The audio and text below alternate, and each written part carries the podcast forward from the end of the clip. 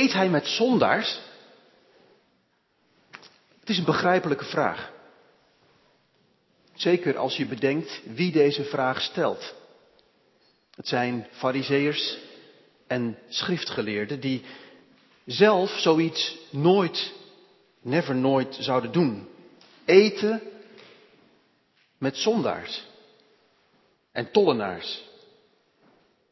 Kijk, die fariseërs die hebben een heel andere mindset. Die zien mensen die zich niet zo strikt houden aan Gods geboden en leefregels als bevuild, bezoedeld en onrein. En fariseërs vermijden dan ook ieder contact. Ze gaan liefst een straatje om voor zulke mensen.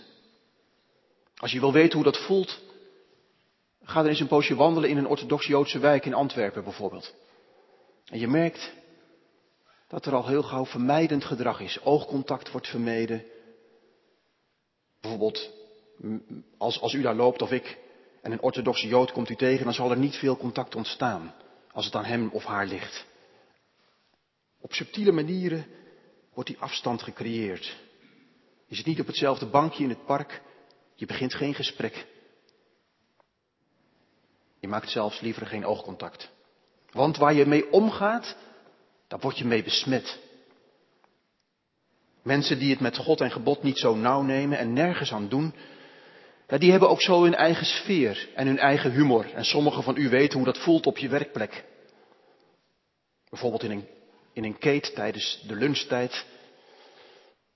Of waar dan ook. En of je het nu wilt of niet, het kan zomaar je leven binnencijpelen. En daarom bewaren de fariseërs een veilige afstand tot andersdenkenden. En bewegen ze zich het liefst uitsluitend in hun eigen kring van ons soort mensen. Het is vandaag nog zo, ik zei het al, in een orthodox-Joodse gemeenschap, maar ook in een strikt reformatorisch milieu. En die hang naar afzondering en isolement, die valt ook echt te begrijpen. Het heeft zijn eigen kracht. Er gaat iets beschermends van uit. Je creëert een eigen zuil en daarbinnen kun je je eigen opvattingen en overtuigingen zuiver houden en vaak ook redelijk goed overdragen op de volgende generatie. En zo zagen die fariseërs dat ook. Wij zijn geroepen om de rijke schat van Gods beloften en leefregels te bewaren en over te dragen. Van vreemde smetten vrij. En ze geloofden vast dat wie zich daar strikt aan houdt, aan die leefregels en geboden en beloften, dat hij dan ook de zegen van God mag verwachten. Voor zichzelf en voor de hele gemeenschap. En die fariseeërs waren nog niet eens de fanatiekste. Er waren in Jezus dagen ook nog bijvoorbeeld de Essenen. Zij trokken zich letterlijk terug uit de samenleving en creëerden in de woestijn hun eigen maatschappijtje. Hun eigen leefgemeenschap. En daar leefden ze in alle radicaliteit, gehoorzaam aan Gods geboden tot op de letter, de punt en de komma, zuiver, heilig, puur en vooral rein. Iemand als Johannes de Doper sympathiseert met de Essenen. En je voelt het aan alles. Hij is ook liever in de woestijn dan onder de mensen. En er zit zoveel radicaliteit in die man, zoveel vuur. En geen compromis. En dan komt de Zoon van God. Dan komt God zelf onder de mensen wonen. En je ziet voor je het spectrum van de scharen die de wet niet kent, de fariseërs en de essenen. En je vraagt je af, waar gaat God dan landen? En waar sluit God dan bij aan? In Jezus Christus. Hoe gaat Jezus zich opstellen als hij aan zijn loopbaan begint als rondreizend prediker en leraar? Oh, het zou zo te begrijpen zijn geweest.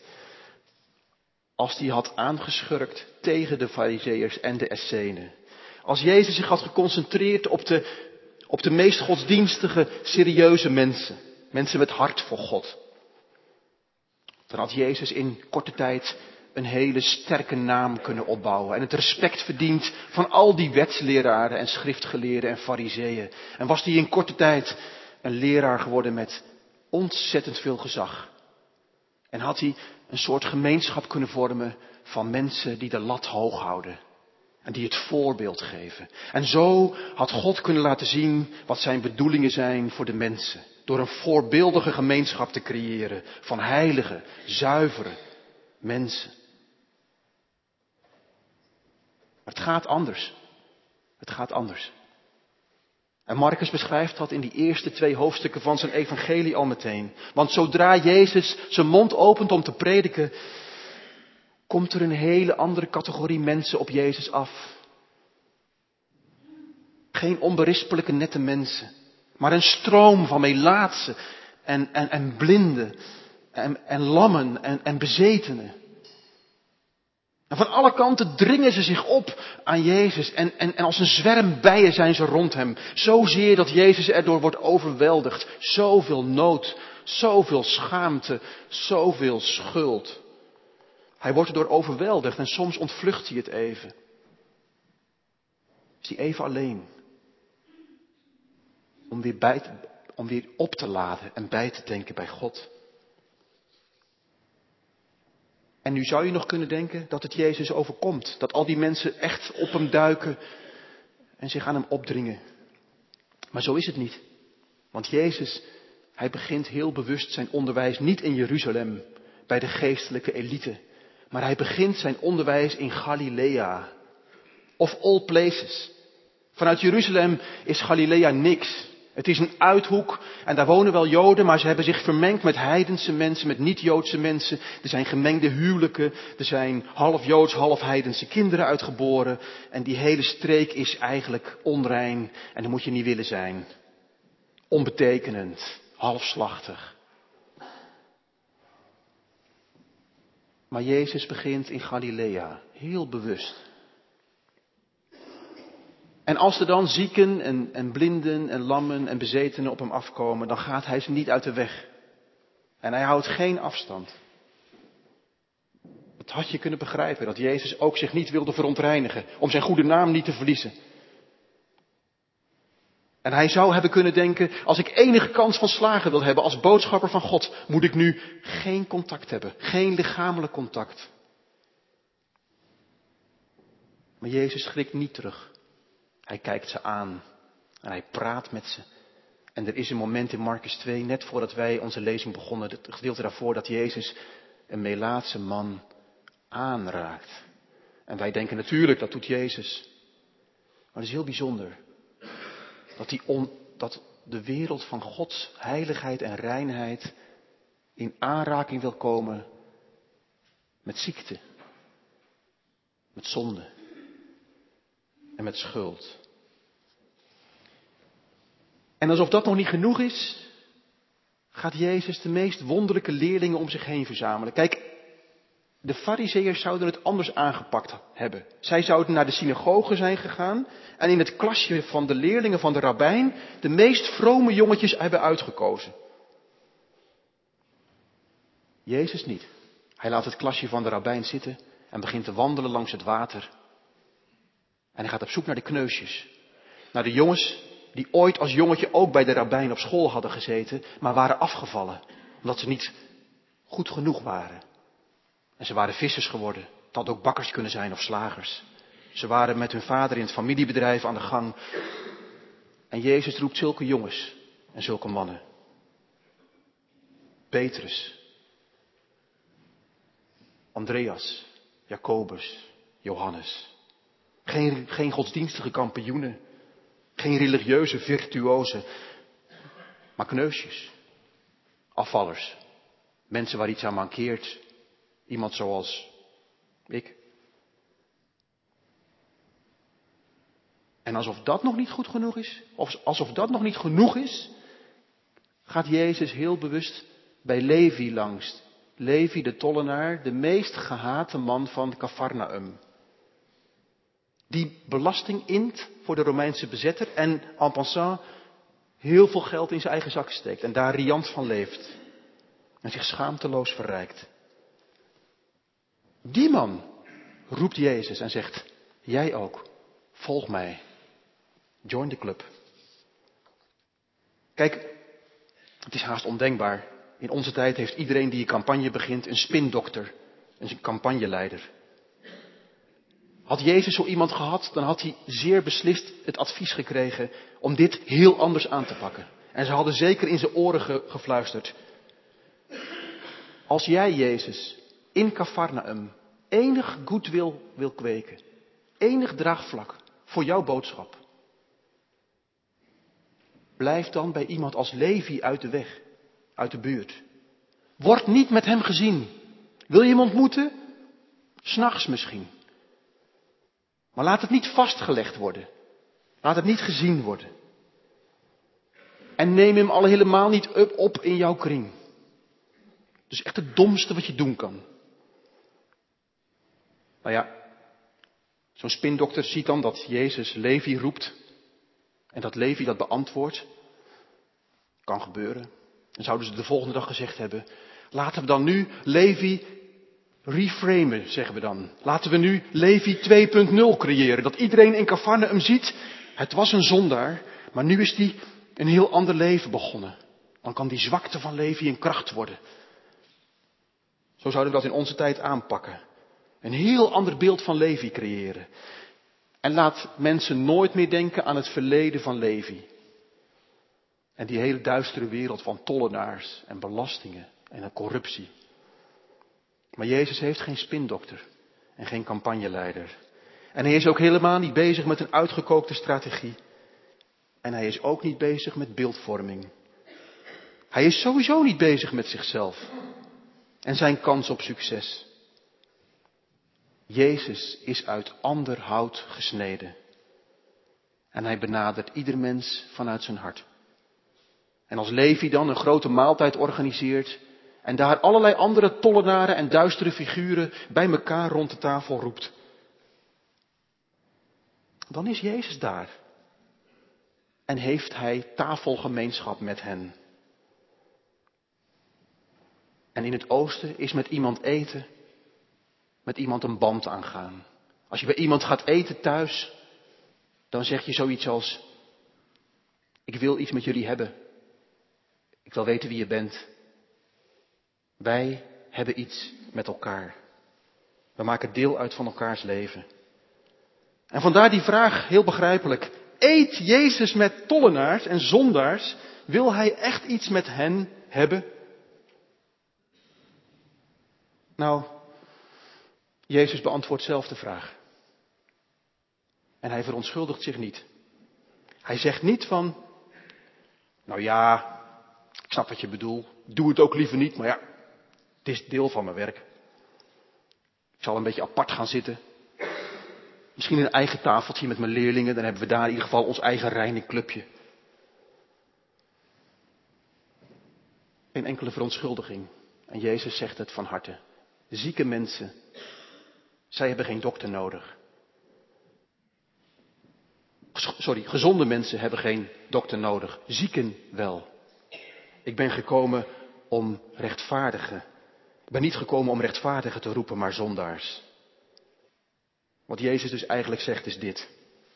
Of ik met zondaars eet? Jazeker. En niet met tegenzin, maar van harte. En niet als dat zo af en toe is per ongeluk zo loopt. Nee, dit is mijn ding. Ik eet met zondaars. En liefst zo vaak mogelijk. Dat is waar ik voor gekomen ben. Dat is mijn core business. Ik breek met hen het brood en ik deel met hen de beker. Nou, als je op dat feestje van Levi rondkijkt, zijn er zondaars genoeg. Er is bijvoorbeeld het type tollenaar. Het zijn van die mensen die ongelukkige keuzes hebben gemaakt en daar elke dag aan herinnerd worden. Zij zitten op de blaren. En iedere blik op straat herinnert hen aan foute keuzes. Zij zijn zich het meest bewust van hun falen en tekorten, hun schuld en schaamte. En vreemd maar waar, aan hen kan Jezus vaak het meest van zichzelf kwijt. Tollenaars, prostituees en allerlei mensen die de scherven van hun bestaan om zich heen hebben liggen. Type zondaar, type tollenaar. Er is ook een ander type, het type leerling van Jezus, die zijn er ook. Zij zijn echt begonnen aan een nieuw leven en van harte. Ze zijn geroepen, zoals Levi, Andreas, Simon, Johannes, Jacobus. Maar ook zij komen vaker dan hen lief is de zondaar van binnen tegen. Want iedere stap die zij zetten op de weg achter Jezus aan, kan stuiten op weerstand van binnen, op onvermogen. Om werkelijk die weg te gaan van liefhebben tot het uiterste. Ja, en dan is er nog het type fariseer. De mensen die alles van hun schouders proberen af te vegen. En de handen schoon. Zij hebben vooral een scherp oog voor de zondaar in een ander. En zij hebben niet zo scherp in de gaten dat schone handen nog geen schoon hart is. En dat afzondering en isolement ook heel snel kan verworden tot hooghartigheid en weinig compassie. En Jezus ziet al die mensen daar door elkaar lopen. De fariseeërs buiten, de leerlingen mengen met de tollenaars en zondaars. En misschien vindt hij ze ook wel in uw bestaan en het mijne door elkaar. Soms de fariseer, soms de tollenaar, soms de leerling. En voor al die mensen om ons heen en in onszelf is Jezus gekomen. Voor zondaars. Vroeger leerden we op catechisatie, zonde is je doel missen. En zondaars zijn dus mensen die niet tot hun bestemming komen. Die er niet aan toekomen om God lief te hebben boven alles. En hun medemens als zichzelf. En met hen mengt Jezus zich zo graag.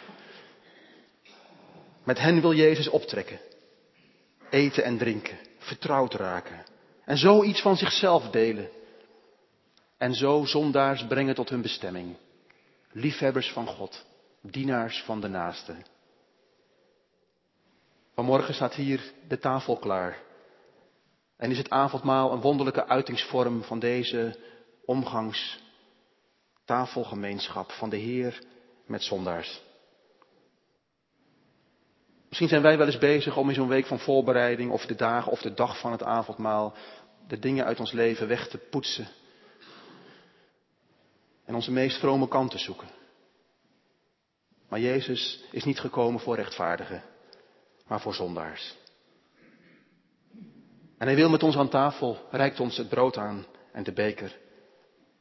En wil ons zo verzekeren van de vergeving van onze zonden.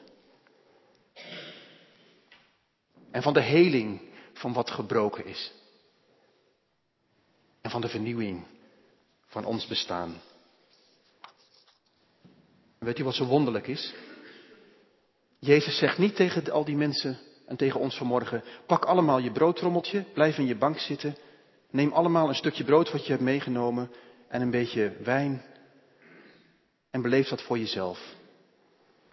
Jezus heeft bewust gekozen voor een maaltijd, voor een kring, een gezelschap, om ons zo ook aan elkaar te verbinden.